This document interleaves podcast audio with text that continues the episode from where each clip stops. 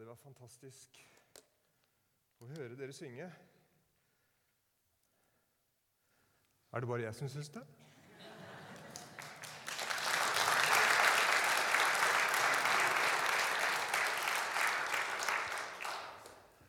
Fikk dere en klapp til. Ja, det var fint å være her. Både å høre og fint også å møte så mange flotte mennesker. Så eh, jeg eh, skal dele noen tanker med dere. Et ord fra Bibelen. Det er jo egentlig en gudstjeneste her, da, som dere har kommet på. Så dere må regne med at du får et bibelord. Så det skal du få nå. Jeg har tenkt litt på det med hjemmelengsel. Det er vel kanskje noe alle har eh, kjent litt på en eller annen gang i livet. Og Da eh, skal vi begynne med å lese det ordet som, eh, som jeg vil gi deg i dag. Nå har dere sittet veldig lenge. Skal vi reise oss opp, og så leser vi det ordet her sammen?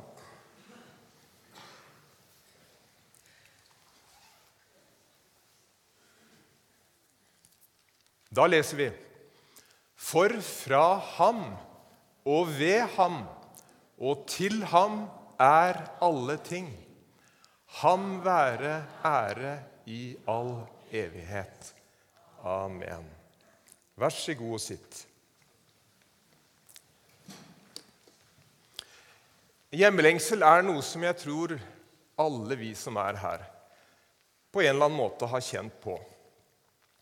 Og det er ikke noe å spøke med, for det er en veldig sterk følelse, og det kan være en veldig sterk drivkraft som sitter dypt i oss. Jeg husker Første gangen som jeg kjente ordentlig på hjemmelengsel, det var når jeg skulle på leir på, på Vatnar ungdomssenter. For de som er gamle nok til å huske det. Og Jeg tror jeg var kanskje sju-åtte år, og jeg skulle på sommerleir. Og den leiren jeg tror den varte fra mandag til fredag. Og det var fryktelig lenge. Og det var så godt å komme hjem. Er det noen som kjenner seg igjen? Ja. Jeg husker også første gang en av guttene våre han skulle overnatte hos en kamerat bare litt lenger ned i gata. Tidlig på kvelden så møter jeg han gående hjemover med soveposen under armen. Og så spør jeg, 'Hva skal du?' 'Jeg skal hjem', svarer han. Ja. Og hva var det? Jo, det var hjemlengselen som hadde slått inn. Men hjemlengsel er ikke noe man bare opplever når man er liten, som barn.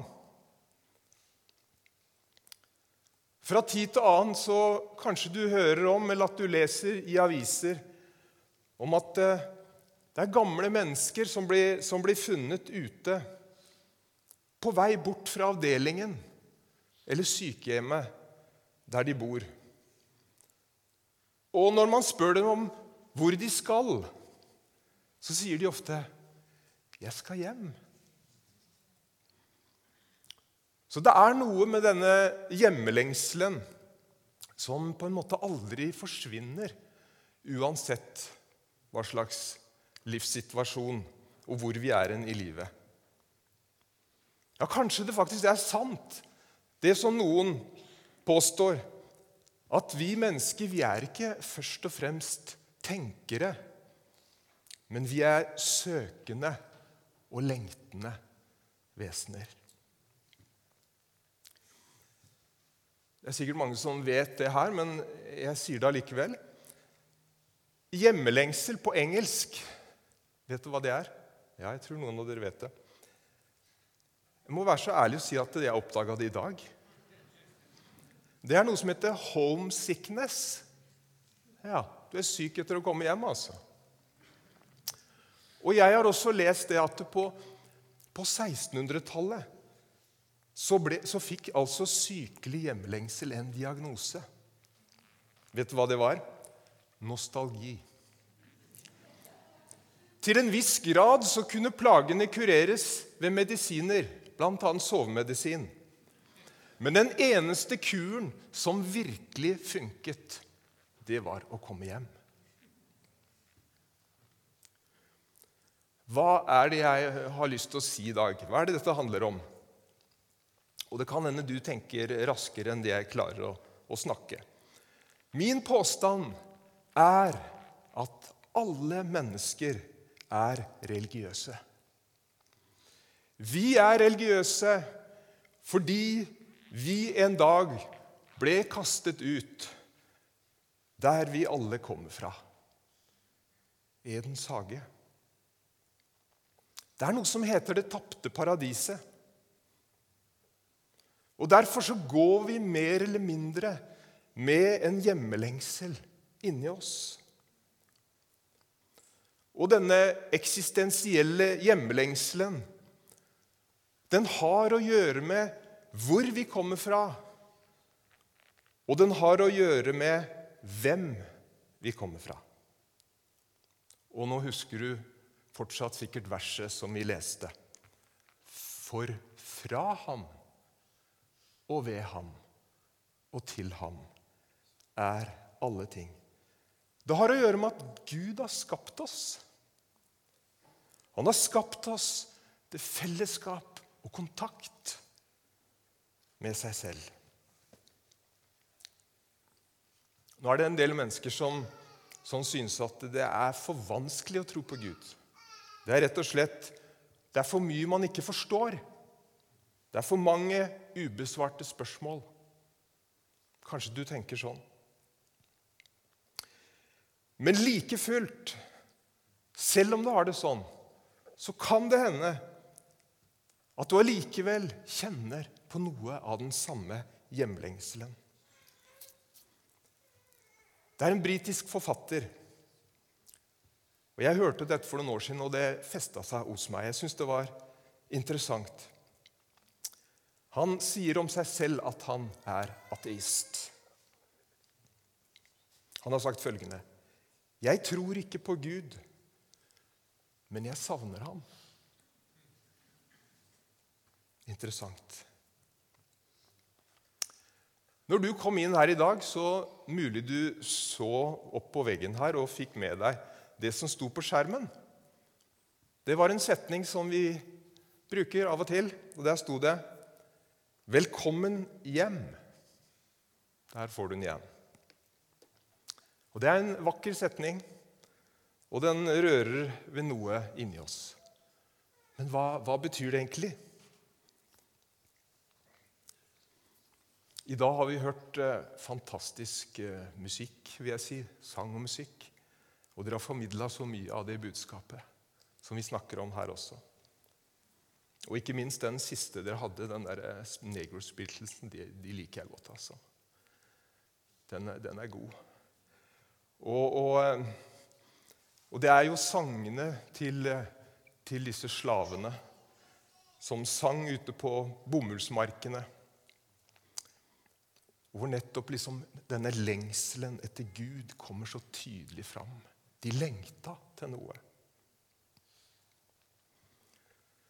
G4G, Jan Tore. Var det ikke det det var? Navnet betyr rett fram evangeliet for Grenland. Og jeg er overbevist om at uh, i tillegg til, til at dere liker å synge Jeg ser jo det på dere. Så har dere en hensikt med å stå her. Og det er at dere ønsker å formidle og gi oss evangeliet. Og det er vi veldig takknemlige for. Men hva betyr egentlig evangeliet, om du ikke har kjennskap til det?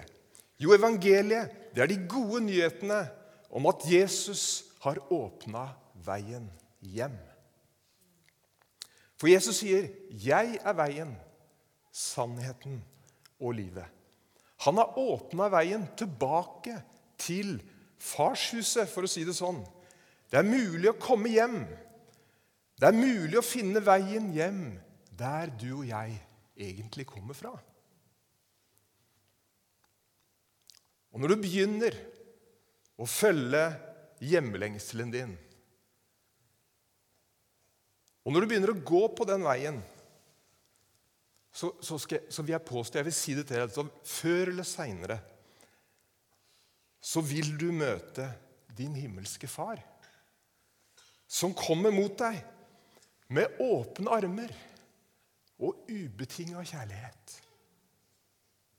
Slik som vi kan lese om han i Lukas 15.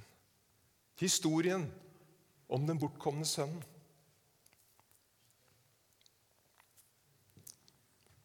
Dette er mulig på grunn av Jesus og hans kors. Korset det, ligger, det står rett der borte. Du kan se på det. Korset åpnet veien hjem. Og kors, korset åpnet Guds favn, så vi kan møte ikke en streng dommer, men en forsonet og kjærlig Gud. Ser du det? Nå skal du se her. Hvordan Jesu favn ble åpna, og hans hender ble strukket ut på korset. Er ikke det flott? En åpen favn. Det er det evangeliet handler om. Å komme hjem, det handler ikke så mye om å komme til et sted.